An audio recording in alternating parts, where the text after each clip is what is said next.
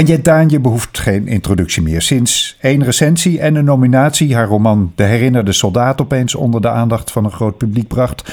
Waarna de opvolger, het lied van Ooievaar en Dromedaris, een ongekende zegentocht begon langs literaire juries en door de bestsellerlijst.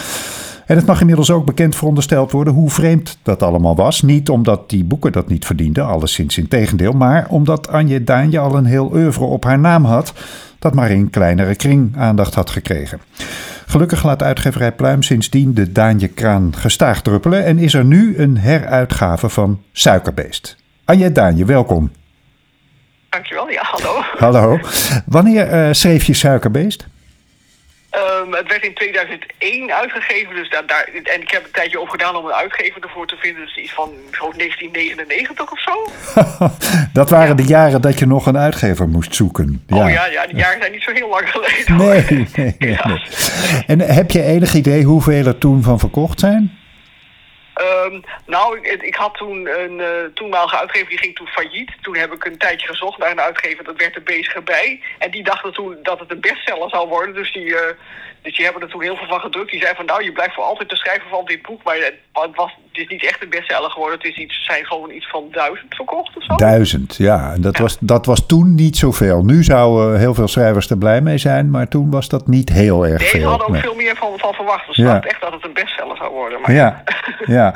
Uh, en, dat was toen voor, jou wel uh, normaal, hè? Dat soort oplagecijfers, of niet? De, de, de, de Suikerbeest was een van de best verkopende boeken. De, ja. daarna, de, de, boeken daarna waren verkocht iets van 500 of 600 of zo. Ja, ja. ja. ja het, is, het, het, blijft een ongelooflijk verhaal. Maar goed, dat, nogal, ja, dat, is, dat is een ander onderwerp.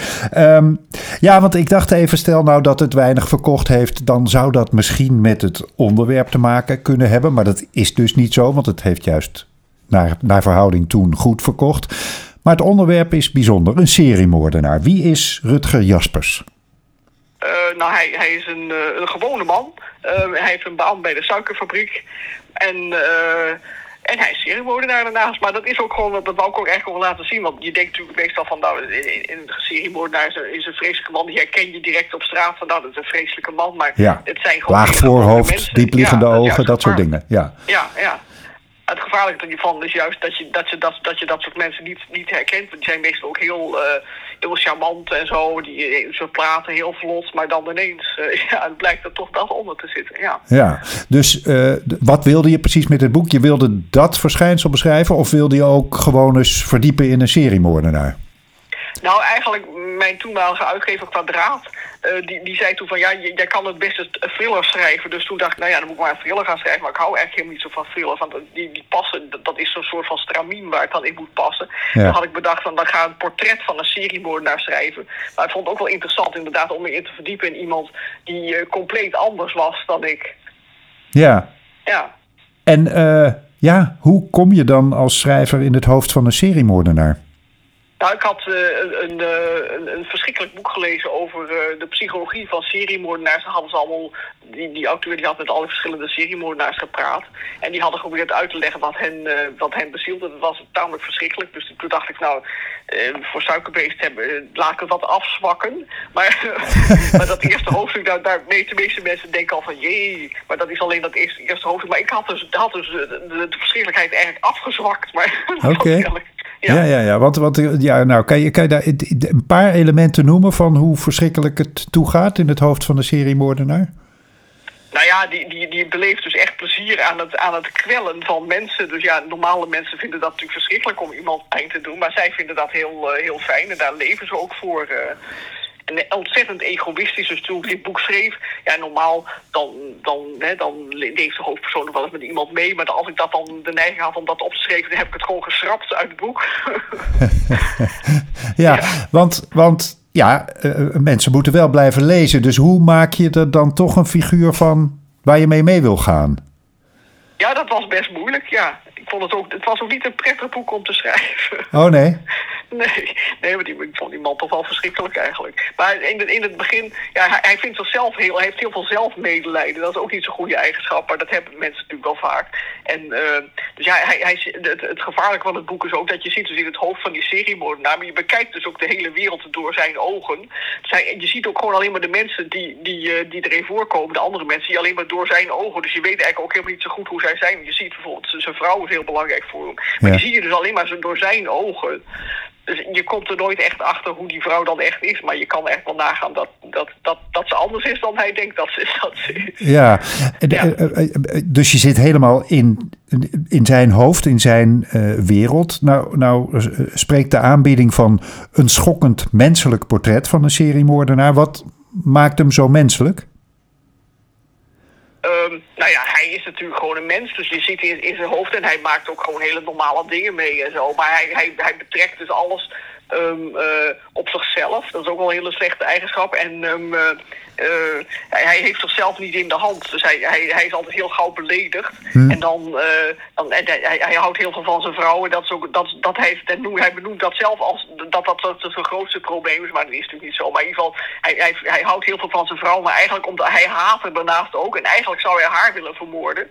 Maar in plaats daarvan vermoordt hij dan dus allemaal andere vrouwen. In de hoop dat hij dan zijn eigen vrouw niet zal vermoorden. Dus dat is al, uh, hij, hij, heeft een soort van doel. Dus dat werkt altijd wel bij, uh, bij Dan, ja. dan leef je een beetje meer in.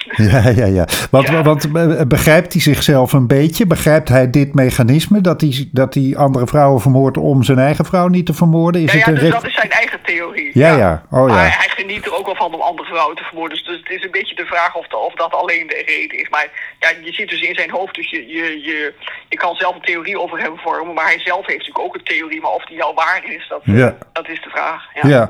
en uh, de, betekent het dat we bijvoorbeeld ook uh, gruwelijke moordscènes lezen? Of?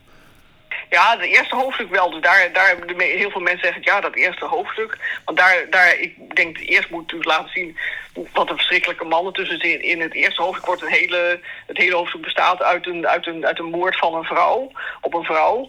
En, maar de, de moorden daarna die worden steeds minder beschreven. Ja, je kan natuurlijk alsmaar herhalen en dat is, hè, dat, dat is voor het boek, dat brengt het boek ook niet, niet verder. Nee, nee, nee. Maar toch, dat eerste hoofdstuk, hoe, ja. moeilijk, hoe moeilijk vond je het dan om dat te schrijven? Of ben je achter de typemachine gewoon medogeloos? Nou, ik vond, dat vond ik echt best leuk om te schrijven, moet ik toegeven. Het was ook, ja, het is gewoon net alsof je, het maakt niet zoveel uit wat je schrijft, want uh, hè, als je niet heel erg voorstelt, je niet heel erg levendig voorstelt, dan, uh, het was eigenlijk ook best leuk om, om zo'n verschrikkelijke man, want die, die geeft dus altijd maar die vrouw die die, die, die vermoord, geeft hij als van alles de schuld dat zich zit aan te stellen en zo, maar dat is natuurlijk helemaal niet zo, ze stelt zich helemaal niet aan, maar ja. Nee, maar dat, dat, dat hyperbolische daarvan, dat, dat vind je leuk om te ja, doen. dat is gewoon. leuk om te schrijven. Ja, ja. Sowieso emotionele scènes schrijven altijd leuker ja. dan hele saaie scènes schrijven. Natuurlijk. Ja, ja. Ik heb een keer eerder een auteur geïnterviewd, ook, ook een Groninger trouwens. Uh, zal wel toeval zijn hoor, maar Jean-Paul Francis was dat, die ook een roman over een seriemoordenaar heeft geschreven. Gebaseerd op een, op een uh, bestaande figuur was dat. Had, had jij ook een bestaand geval voor ogen? Of heb je helemaal gebaseerd op dat boek over seriemoordenaars wat je gelezen had? Nee, ik heb echt een seriemoordenaar uh, verzonnen. Dus het zal misschien ook wel niet zo'n typische seriemoordenaar zijn. Want de meeste seriemoordenaars zijn misschien ook niet hoger opgeleid en zo. Dit is wel een seriemoordenaar die nog een beetje nadenkt. Want dat is wel fijn als je in iemands hoofd zit natuurlijk... dat hij nog interessante gedachten heeft. Dan. Ja. Ja. ja, dus het is niet, niet een volstrekte uh, psychopaat die uh, nee. alleen maar blind zijn instincten volgt. Of... Nee. En wat nee, de, de, ja? de, je kan gewoon seriemoordenaars verdelen in verschillende categorieën. Dit is de intelligente categorie. Ja. Ja, ja. ja. En wat is de opbouw? Want nou ja, je had dus van je uitgever de opdracht gekregen om een thriller te schrijven. Is, de, is het ook nog een thrillerachtig uh, boek geworden? Nou, dat wou ik eigenlijk een beetje vermijden. En dat, dat was toen wat recensenten met toen kwalijk namen. En zeiden van ja, ze begrijpt helemaal niet hoe een thriller in elkaar zit. Maar ik wou helemaal geen thriller schrijven. Want de thriller heeft een vast stramien. En dan moet je je aan houden. Dan met alles wordt opgelost aan het eind. En dan Ja. is er een happy end en zo. Maar dat wou ik allemaal niet. Dus dat, dat heeft dit boek ook niet echt. Nee. Nee.